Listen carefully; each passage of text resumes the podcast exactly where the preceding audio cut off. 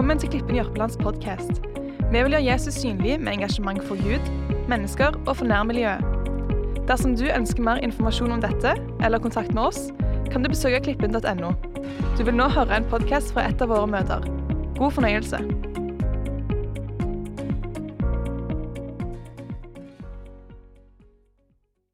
Ved inngangen til et nytt år så snakkes det ofte om hva man ønsker å oppnå i de neste 365 dagene. Å innta nytt land, det å bli bedre til, det å få nye skills, ta nye steg, lære noe nytt, gjøre noe du aldri har gjort før, legge ut på eventyr, få et rikere liv. Nyttår, det er nye muligheter. Og særlig i januar så er det meste mulig. Men det å innta nytt land betyr ikke nødvendigvis at du må slippe alt som var før. For det kan jo også være nødvendig og meningsfullt å ta vare på og verdsette det som har vært. Å ha vekst det handler ikke bare om å hoppe fra prosjekt til prosjekt, alt etter som hva som kjennes rett der og da. Nei, da blir man nesten som en nomade som bare stadig jakter på nye beitemarker. Men en god forvalter det er en som tar vare på og bygger videre på det man allerede har, på det man har oppnådd, og på det som er verdt å beholde. Det kan være skremmende og det kan se veldig vanskelig ut når man skal i gang med noe nytt. Men faktisk så kan det være enda mer utfordrende å finne tilbake til det som en gang var. Det som vi mista, det som ble ødelagt, det som ble tatt fra oss, glemt, gjemt bort, eller som bare forsvant. Og dette kan jo være ting på områder i livet som handler om helsa di, i nære relasjoner, i ekteskap, i jobb og karriere. Det kan handle om troen din, om tjenesten og om livet sammen med Gud. Peter han var en av de første disiplene. Han var en av de som Jesus kalte aller først. Og mange av oss liker Peter litt ekstra godt. Kanskje er det fordi han ikke akkurat var det naturlige førstevalget når Jesus skulle samle en liten flokk som skulle være med han og forandre verden. For Peter han var arrogant, han var usikker. Han var ikke helt å stole på. Han var oppfarende, han var hissig. Allikevel så velger Jesus han. Og fordi Jesus velger Peter, så tenker jeg at, eh, at kanskje hadde han valgt meg også. Peter han gir liksom håp for alle oss som føler at vi egentlig ikke når helt opp. Peter han var en vanlig fisker. Og I Matteus 4 så leser vi om når Jesus kommer forbi på stranda ved Galileasjøen. Og så bare spør han, sånn rett ut, uten noe jobbintervju, uten å sjekke noen referanser. 'Peter, kom og følg meg, og så skal jeg gjøre deg til en menneskefisker.' Det er som om eh, Jesus sier, 'Hei, Peter, bli med meg.' Jeg skal lære deg noe nytt og, og, spennende. Du skal være på lag med meg nå, Peter. Du skal ikke bare fiske fisk lenger. Og Peter, han blir med. Han lar båten og garnet og det gamle livet bli igjen der på stranda. Og I de tre neste årene så begynner han på et eventyr sammen med Jesus. Peter han erfarer han ser og lærer. Han har en enorm vekst i bønnelivet sitt, i bibelforståelsen, i forholdet sitt med Gud, i sin identitet, i det å ha en mening med livet, i tjenesten sin. Og som leder så blir Peter klokere og sterkere. Han har et kall over livet sitt. Tre år med Jesus. Og Peter han bare vokser og vokser og vokser så var det ikke sånn at han alltid gjorde alt rett. Nei, Peter kunne også snuble og falle. Men likevel tre år, og han bare vokste. Men så kom tida. Jesus han visste jo hva oppdraget hans var. Han skulle gi sitt liv på korset, og han forberedte vennene sine. Han fortalte dem om hva som venta, at de ville bli redde, at de kom til å bli fortvila, at de til og med ville fornekte ham. Da svarer Peter, på den eneste måten som, som Peter vet og kan. Ikke jeg, Herre. Ikke jeg, Jesus. Nei, jeg skal jo, jeg skal jo forsvare det. Og Jesus svarer, 'Jeg vet at du gjerne vil det, Peter, men hør.' Og I Lukas 22 så kan du lese hva Jesus sier. 'Peter, jeg ber for deg om at troen din ikke skal svikte, hva som enn må komme.' Og Hvis jeg var Peter, så hadde jeg kanskje sagt du Jesus, kan ikke du heller bare konsentrere deg om de som vil knuse deg, de som vil ødelegge for deg, og ikke være så bekymra for meg og troen min. Men Jesus, han fortsetter. Husk dette, Peter. Når du vender om, når du kommer på plass i troen din igjen og i gudsrelasjonen din, da skal du gjøre det til ditt livskall å støtte og styrke dine søsken i troen. Det er som om Jesus sier, 'Peter, du kommer til å miste fotfestet. Du kommer til å falle. Men når du reiser deg igjen for å vinne tilbake og ta tilbake det du mista, så vil jeg gjenopprette. Og du vil bli sterkere og bedre. Jeg vil utruste deg som aldri før til tjeneste for meg. Men Peter, du må reise deg, og du må ta tilbake det som ble revet bort. Peter han er ikke der i det hele tatt. Ja, men Jesus, jeg elsker deg jo! Jeg skal jo ikke falle. Jeg er jo ikke som de andre. Men hva er det som skjer? Jo, Jesus blir arrestert. Og Peter fornekter Jesus tre ganger til ei tjenestejente. Hanen galer. Jesus ser på Peter. Og Peter blir helt knust, for han skjønner at Jesus hadde rett.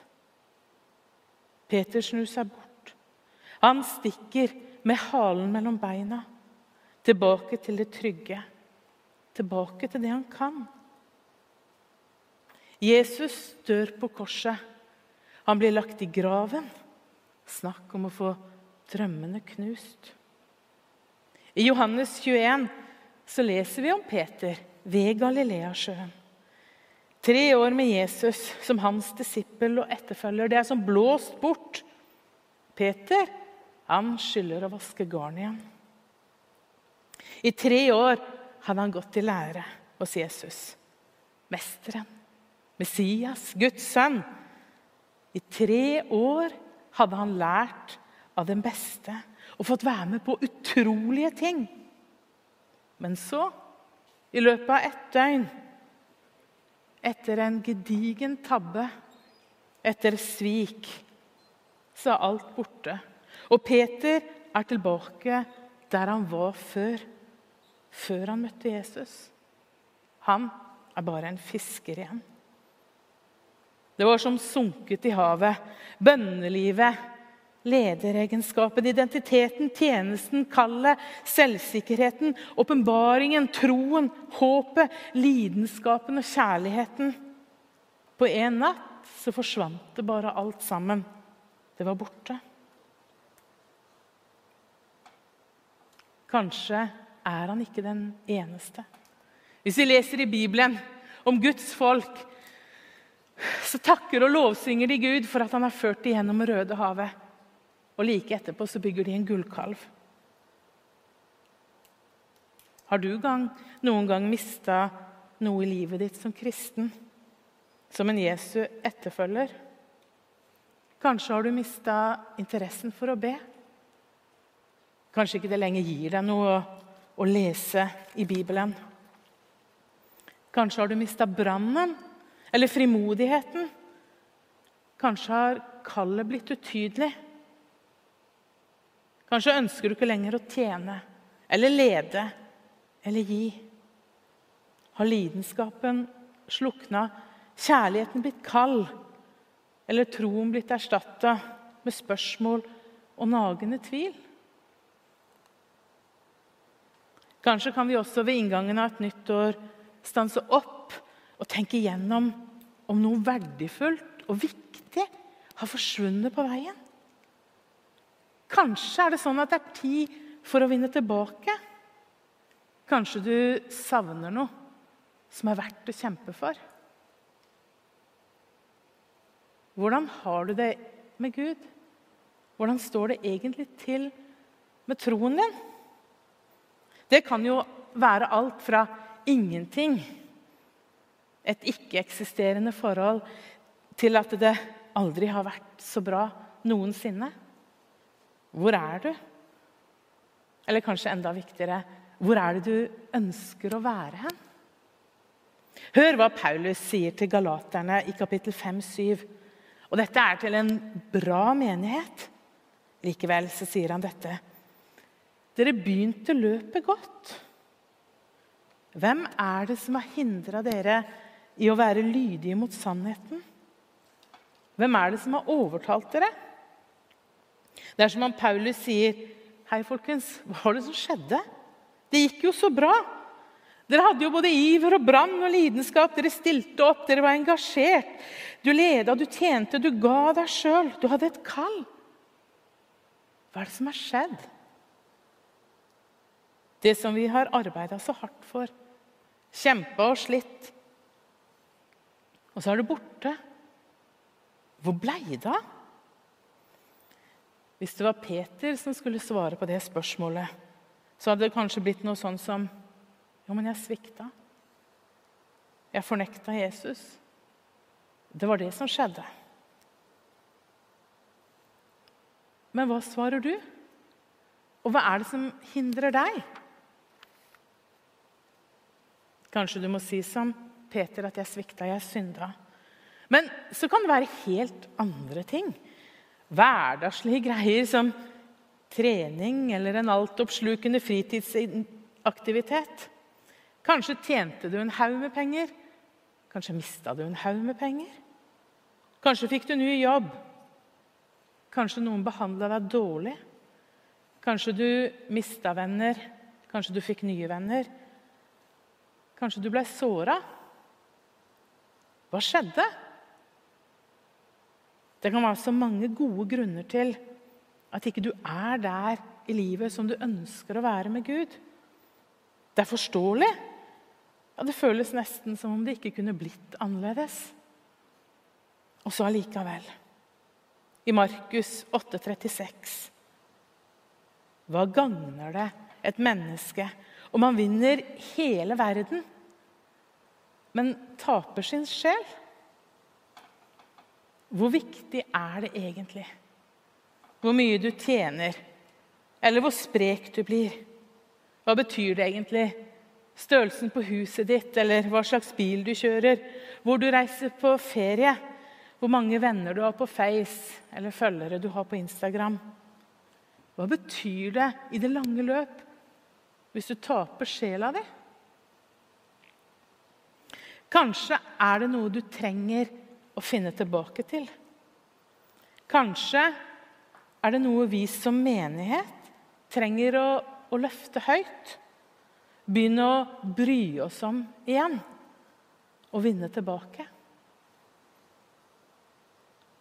Hvorfor er det sånn at disse tinga som egentlig er så viktige for oss, nesten umerkelig bare glir ut av hendene våre. Hvis vi skal tenke litt på det, så, så handler det ofte om ting vi gjør, og valg vi tar.